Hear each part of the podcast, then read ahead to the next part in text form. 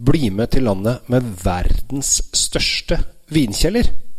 Ja, det er ikke min. Er du klar? Trenger du vinskap? Sjekk ut de lekre sommeliervinskapene fra Temtec. Du finner de kun hos Elkjøp.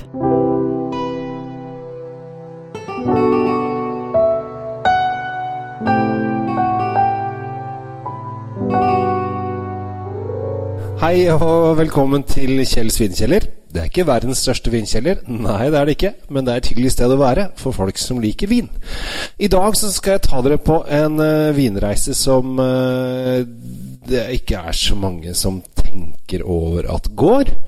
Vi skal til landet med verdens største vinkjeller. Og da tenker jeg kanskje ja, det, kanskje det er Frankrike, kanskje det er Italia, kanskje det er Spania, kanskje det er USA. Der skal alt være stort. Uh, men nei. Denne vinkjelleren er så stor at med en bil så tar det en halvtime å kjøre gjennom. Kjører ikke så fort, da, men det sier litt om sizen. Den ligger i landets hovedstad, som heter Krishnau. Og da, da er vi Moldova. Og eh, faktisk i dag, eh, nå sitter jeg her og smaker eh, mine første moldovske viner. jeg har fått to flasker moldovsk vin som det er en da Jeg antar en halvt moldovsk hyggelig dame som lurte på Kan ikke du teste dette her, bare sånn for å si hva du syns? Fordi at jeg, jeg har lyst til å ta inn litt vin fra landet jeg kommer fra. Uh, og da sa jeg det kan jeg helt sikkert.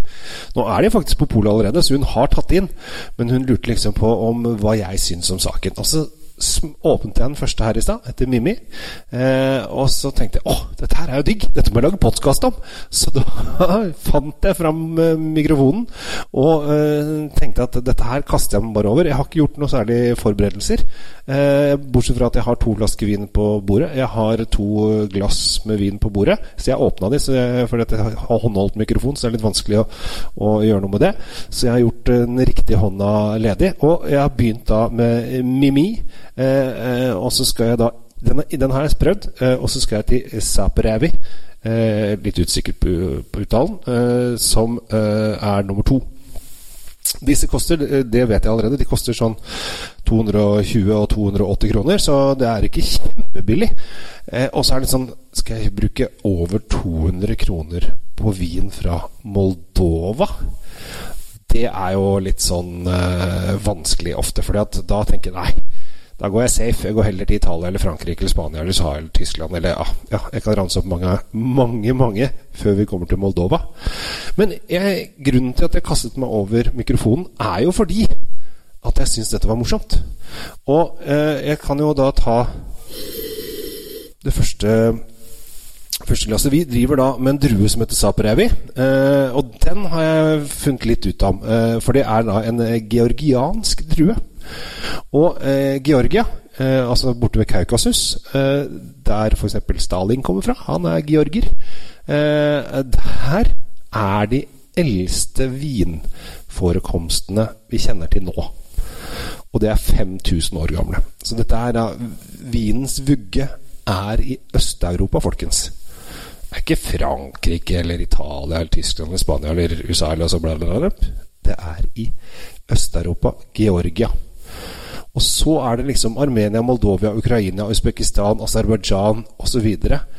er de landene de kom til. Og så vet vi da at Shiraz er en by i Iran. I gamle Persia. Nå i Iran.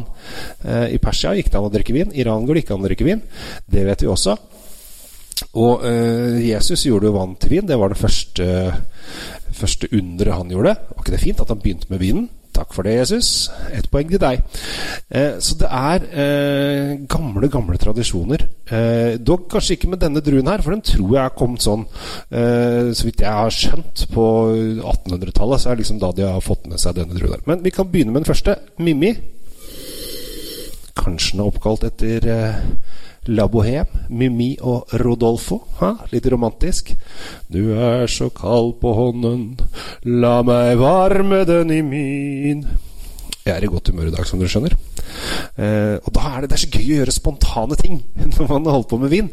Alt skal være så ordentlig og liksom Ja, nei, vi må sette oss ned og rett i ryggen og pen i tøyet osv. Drit i det. Lek med vin. Ha det gøy. Søl, lukt, spytt, uh, gurgl. Eh, og ha det litt morsomt med dette naturproduktet som har vært da i 5000 år. Når jeg lukter på den, så lukter det veldig tydelig sånn moden kirsebærfrukt. Altså den er veldig, veldig sånn bærbærsmak. Og jeg må drikke litt, jeg. Det var ikke meningen å skåle med det der. Håper det går greit. Veldig tydelig bær. Jeg vil egentlig kalle dette her en ganske kraftig, kraftig pinot noir. Altså litt sånn bola pinot noir. Det har mye av den kirsebær. Litt krydder. Eh, her tror jeg ikke det har vært noe fat, for den virker veldig ren stil, i stilen. Og masse smak i munnen. Og så litt pepper. Og så forsvinner den litt sånn etter hvert. Så er den ganske deilig og fin og lett. Og behagelig vin å drikke. Trodde den skulle være mer stikkende, og sånn men den er faktisk ganske rund i, rund i kantene. Så Mimi får helt klart uh, godkjent. Lukter godt også. Den lukter litt sånn småurtete, men den har en veldig fin og deilig og rund uh, smak av litt modne bær og kirsebær. Veldig mye frukt veldig fruktdrevet, som da vi vinfolk kaller det. Så skal jeg over til uh, Sæperevi. Uh, som da er uh, druen, men den heter også Sæperevi. Håper at jeg uttaler det riktig. Altså, jeg har jo det er ikke så mange som vet at jeg har studert Jeg har en bachelor i historie fra universitetet som jeg tok for ikke så mange år siden. Jeg fullførte i 2017 med eh, hovedvekt på Øst-Europa-studier. Så jeg har Jeg kan fryktelig mye om eh, Moldova. Det kan jeg. Og Bulgaria og Transnistria. I Moldova så er det Det kan jeg fortelle, det er ikke så mange som vet. I Moldova så er det en utbryterrepublikk. Altså Når man tenker utbryterrepublikker i Øst-Europa, så tenker man ofte Nagorno-Karabakh, som er i eh, Armenia og Aserbajdsjan. Eh, men Moldova er også en liten utbryterrepublikk. Og det er en litt sånn snodig liten eh, tarm av et landområde. Og hva har de lyst til? Jo, de har lyst til å bli en del av Russland. Eller for å være helt ærlig, så har de lyst til å bli en del av Sovjetunionen. Men det går jo ikke, for den forsvant, jo. Så det har de funnet ut, og det er, det er, kanskje ikke så smart. Men de har lyst til å bli en del av Russland. Problemet er jo at det er et par land i veien. Så de er liksom ikke vegg i vegg. Eh, så de har funnet ut at de har en liten utbryterrepublikk. De har sin egen myntenhet, de har sin eget politi, de har sitt eget eh, fengselsvesen, lover og regler. Og Moldova har liksom bare gitt litt opp, da. Er bare Transnistria. Ok, fuck it, hold på med deres. Og så vi, holder vi på med vårt. Så eh, en artig liten fun fact om Moldova. Men Sæperevi, samme druen, denne her lukter litt mer Litt mer krydra. Litt sånn urtete, litt sånn grønn, litt sånn her lukter nesten som de har, de har tatt uh, hele stilken. Altså så helklasefermentasjon. At de, når de først har De har ikke tatt av druene fra stilken, de har liksom dytta både med stilk og skall og alt. Ja, skall er med, men altså stilke Stilken er med i pressinga, for den får litt sånn grønn finish. 280 kroner. Vin fra Moldova. Skal vi se.